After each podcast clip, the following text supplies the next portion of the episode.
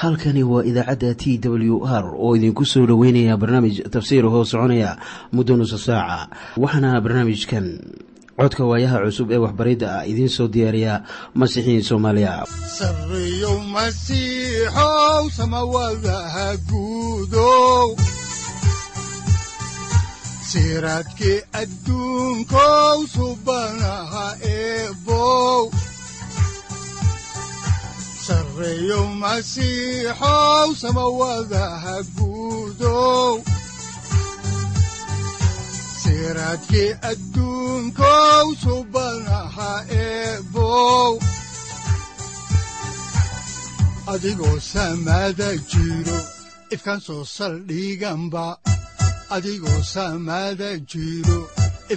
saldhiganba kutubtiisanaye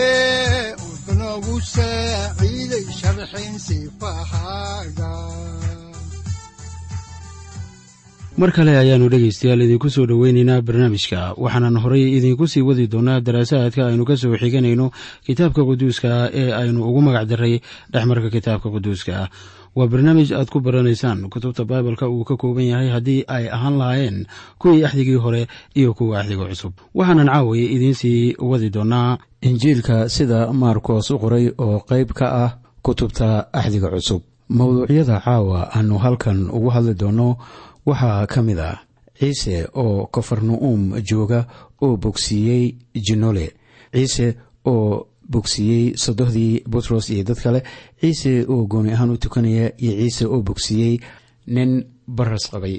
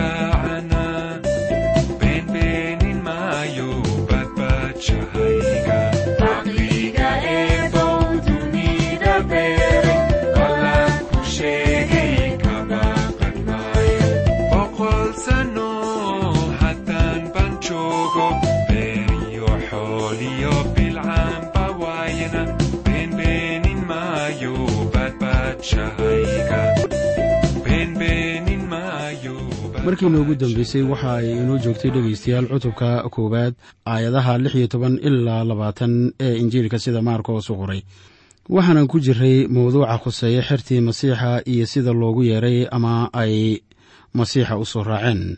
Waxaana ka mid ahaa kuwii loo yeeray yacquub inasabadi iyo walaalkii yoxanaa oo ku jiray doonida oo furfuraya shabageedii doonida.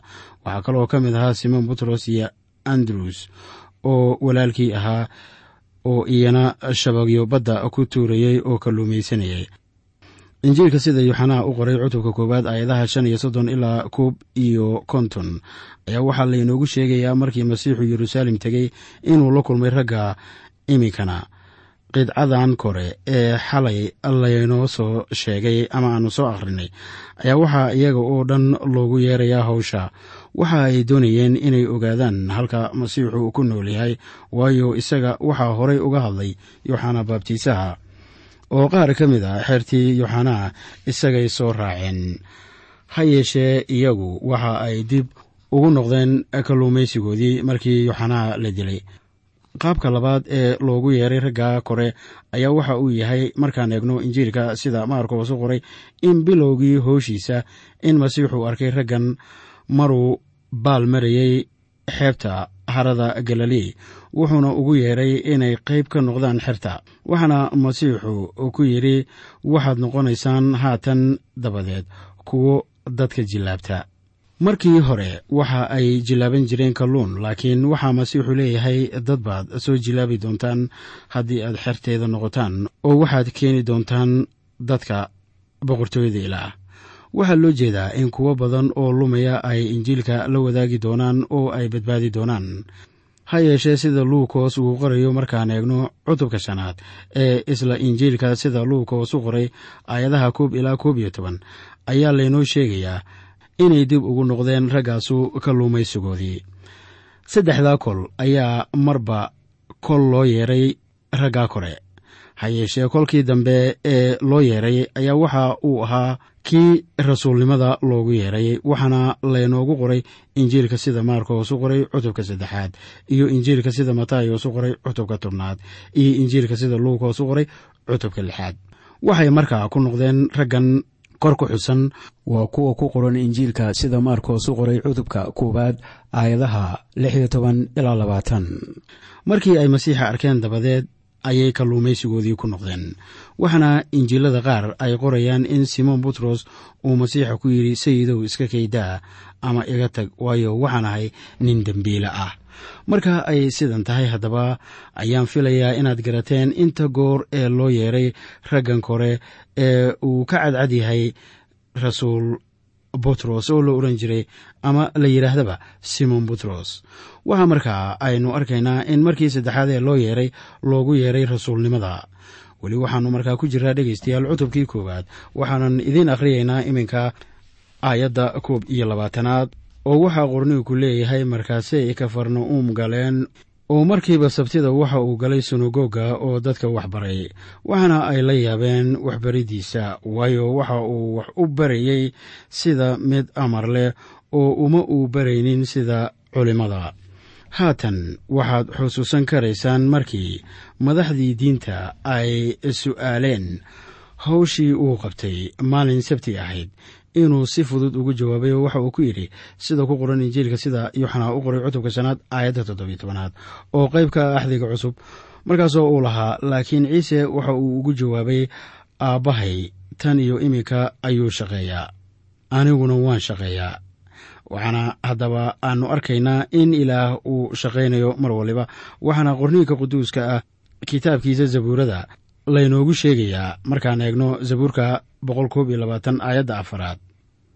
Xaal arrinkaa khuseeya. Oo waxaa qorniinku leeyahay bale kan reer binu israa'iil dhowraa ma gami doono mana seexan doono. Markaa rabbigu ma nasto sabti ama axad ama jimce laakiin maalin waliba waxa uu ku jiraa howl weyn.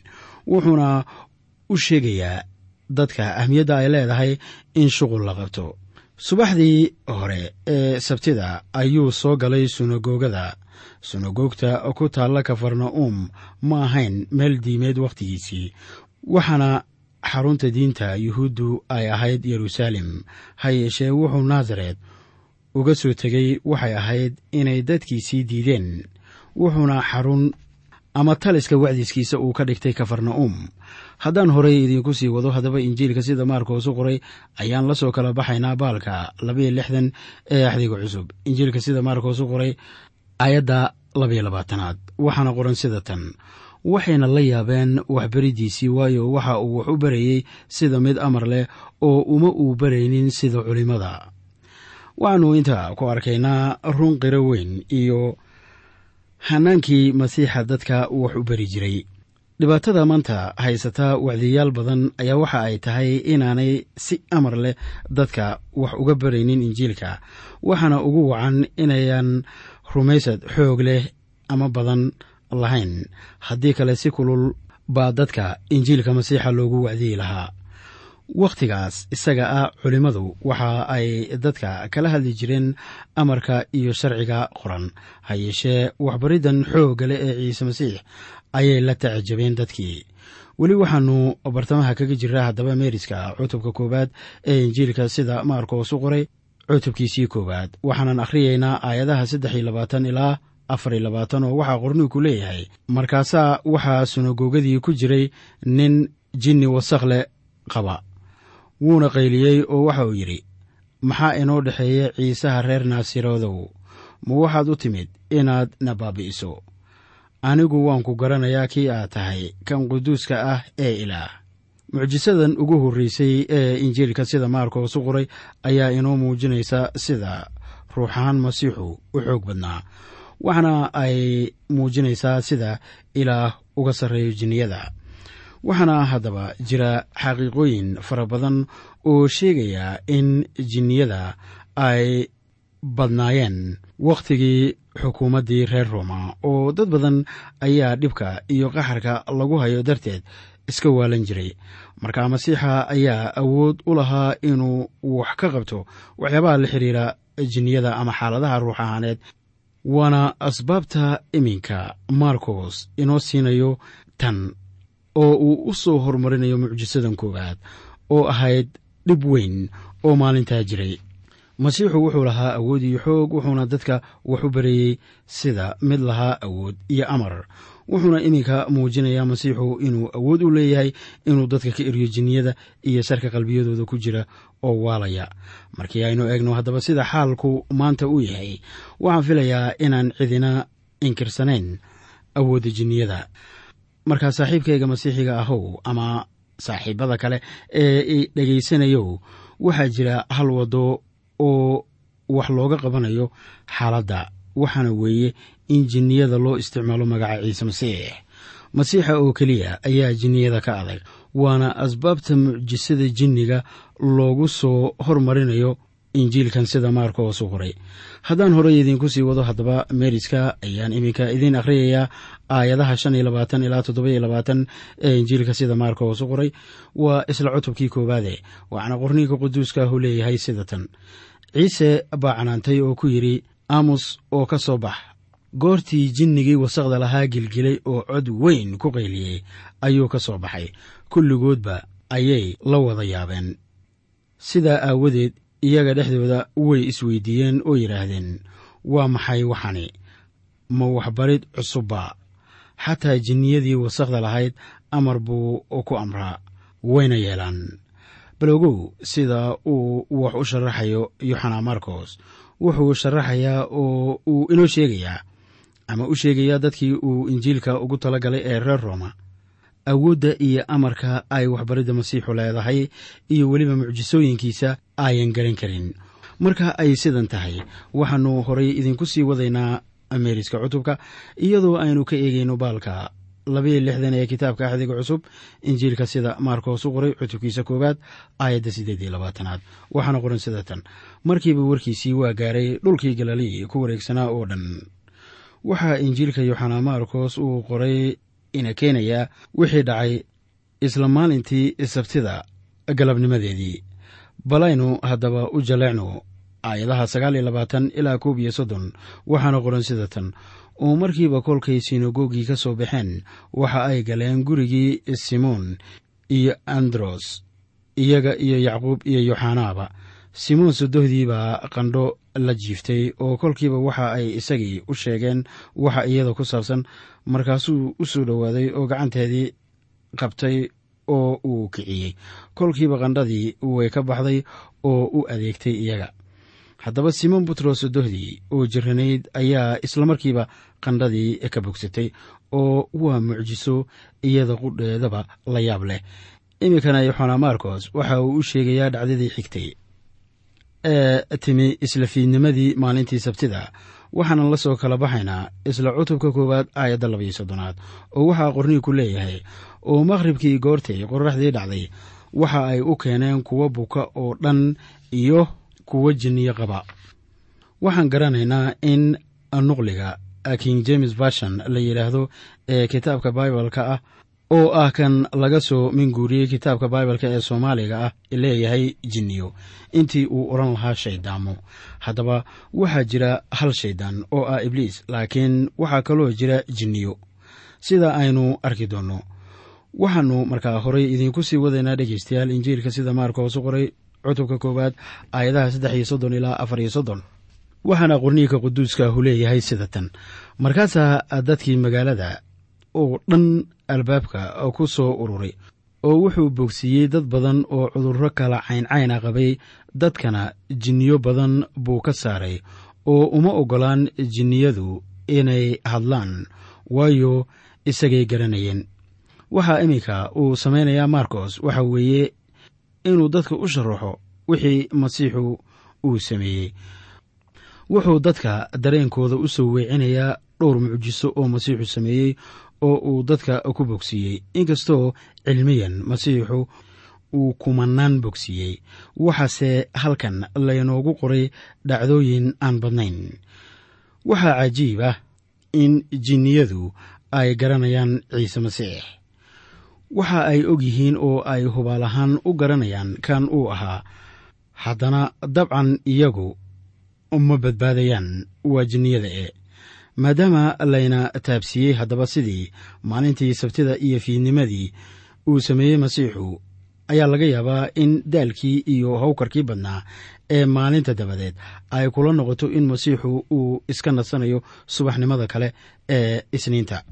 Ha yeeshee baleeg sida uu waxyeelo marka aynu idiin akhriyayno isla injiilka sida maarka hoosu qoray cutubka koowaad aayadda shan iyo soddonaad. Waxaana qoran aroortii hore intaan weli waagii baryin ayuu kacay oo wuxuu tegey meel cidlo ah. Halkaasuuna ku soo tukanayey waxay idinla ahayd maadaama uu aad iyo aad u mashquulay maalinnimadii sabtida inuu xoogaa hurdada ku daahayo maalinimada xigta ee axadda laakiin masiixu mashquul buu ahaa oo welibana waxa uu garanayay sida ay u wanaagsan tahay in ilaah wax waliba la hor keeno wacdiyayaasha maanta waxa ay aad u jecel yihiin in markii ay maalinta axadda howl badan qabtaan aanay imanin maalinta xigta. Ha yeeshee eeg waxa masiixu samaynayo wuxuu ka soo kacay subaxnimadii hore oo ilaah buu baryey oo taasina cashar weyn bay inoo tahay kuweena masiixiyiinta ah ee dadka ku wacdiya hadalka haddaan horay idinku sii wado haddaba meeriska cutubka koowaad. Ayaan iminkana idiin akhriyaya dhegaystayaal aayadaha lix iyo soddon ilaa sagaal iyo soddon ee injiilka sida amaarka hoosu qoray. Waxaana qorniinka quduuska ahu leeyahay sida tan. Markaasaha simoon iyo kuwii la jirayba ka daba tageen goortay heleen waxa ay ku yidhaahdeen dadkan oo dhan baa ku doondoonaya waxa uu ku yidhi aan tagno magaalooyinka inoo dhowow inaan halkaasna wax ku wacdiyo. Waayo taa aawadeed ayaan u imid. Wuxuu galay haddaba sunagogadii galilii ku yeelay oo dhan. Dadka ayuu ka wacdiyey halka jinniyadii ayuu dadkii ka saaray welibana. Maadaama ay tahay haddaba bilowga howshiisa masiixu waxa uu bilaabay in uu dadka wax ka baro danta uu u yimid dunida. Waxaana weeye inay gartaan dhimashadiisa iyo sarakiciddiisa iyo inay tahay in dadku ay maqlaan injiilkiisa nabadda.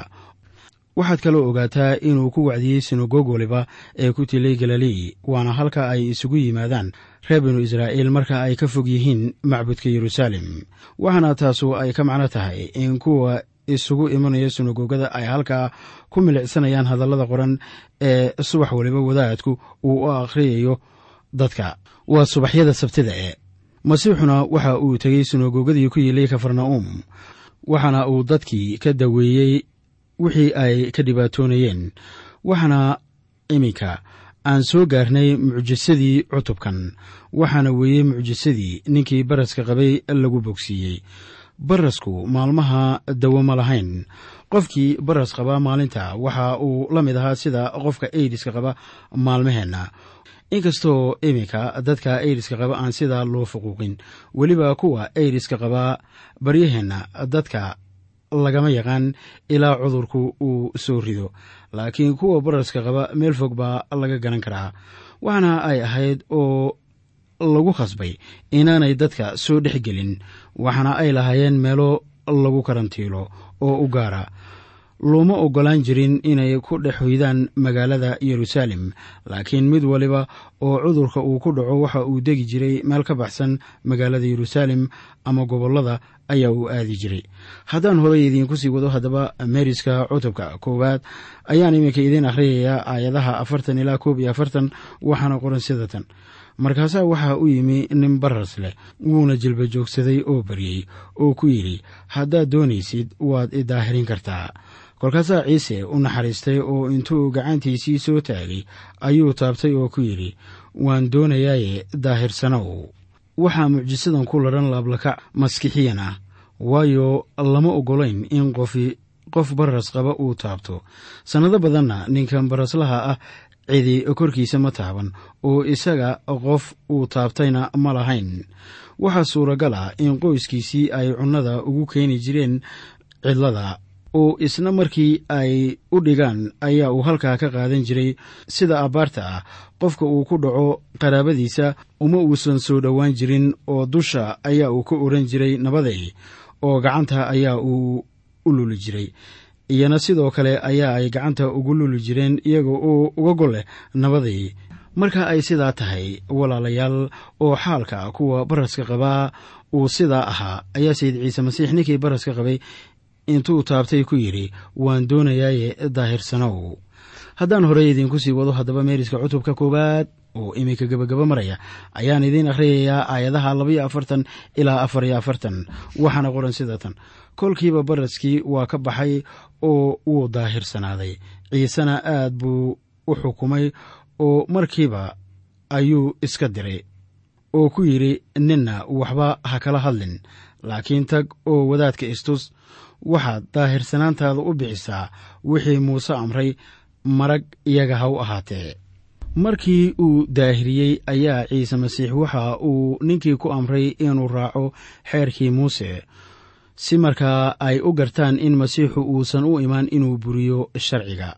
Haddaan horey idiinku sii wado haddaba dhegaystayaal ayaan iminka idiin akhriyayaa aayadda ugu dambaysa ee cutubkan koowaad waxaana qoran laakiin wuu baxay oo bilaabay inuu aad u naadiyo oo warka faafiyo.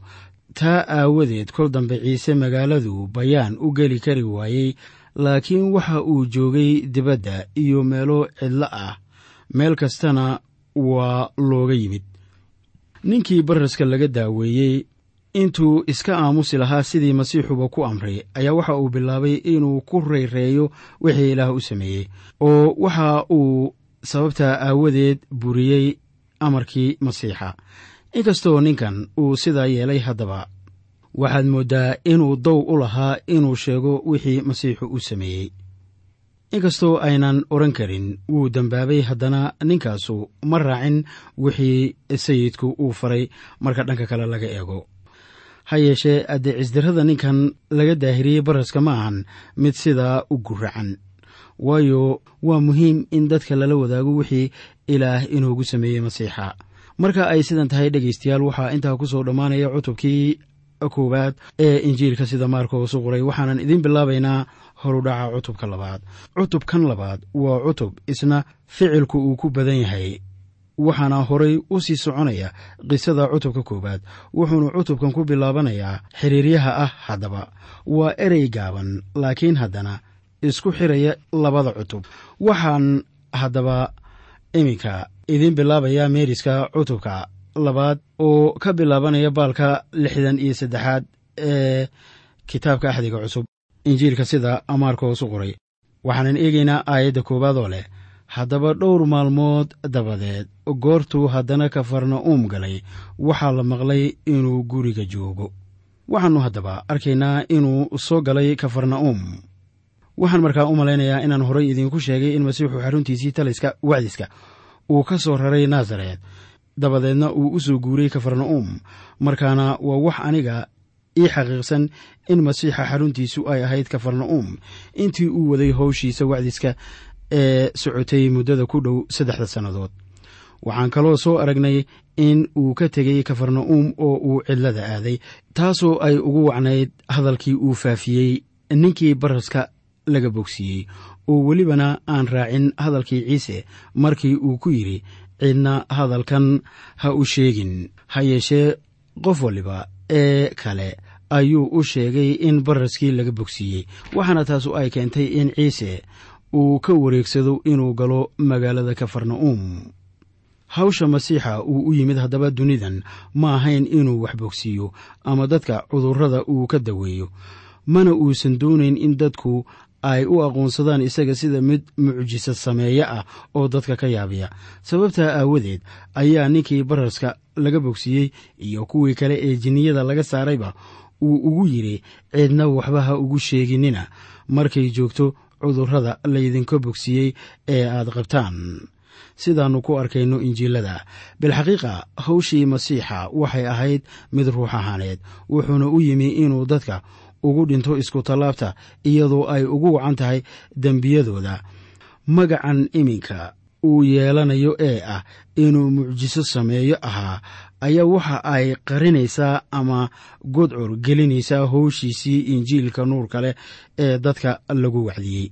Sida badan dad badan ayaa waxa ay jecel yihiin inay magac yeeshaan laakiin masiixa dantiisu waxay ahayd inuu sameeyo tan uu aabbihiisa jannada jiraa u soo dhiibay oo ahayd inuu dadka dembiyadooda bixiyo. Isaga oo qurbaan ahaan ugu dhimanaya oo u bixinaya dhiiggiisa qaaliga ah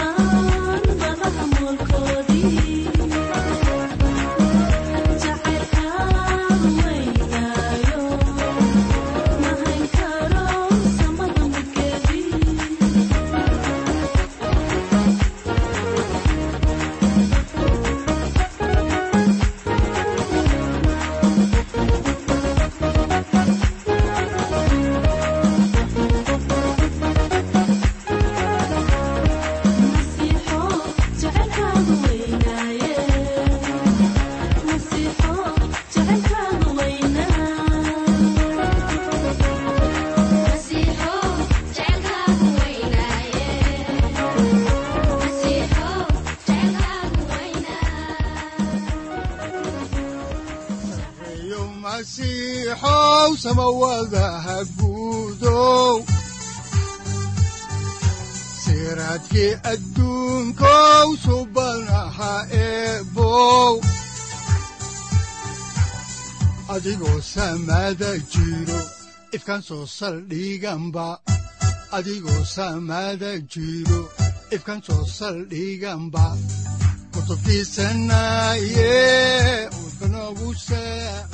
halkani waa t w r idaacadda t w r oo idinku leh ilaa ha idin barakeeyo oo ha idinku anfaco wixii aad caawi ka maqasheen barnaamijka.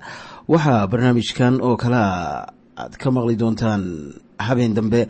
Hadahan oo kale haddiise aad doonaysaan in aad fikirkiina ka dhiibataan wixii aad caawi maqasheen ayaad nagala soo xiriiri kartaan som t w r at t w r c o k e haddii aad doonaysaan in aad dejiisataan oo kaydsataan barnaamijka ama aad mar kale dhegaysataan fadlan mar kale booqo www t w r o r g amase waxaad teleefoonkaaga ku kaydsataa ama ku download garaysataa agabyada ku sahli karaa dhegeysiga t w r haddii aad doonayso in laga kaalmeeyo dhinacyada fahamka kitaabka amase aad u baahan tahay duco fadlan fariimahaaga soo mari bogga aaraahda ama kommentska inana jawaab degdeg ah ayaanu ku soo diri doonaa amase ku siin doonaaye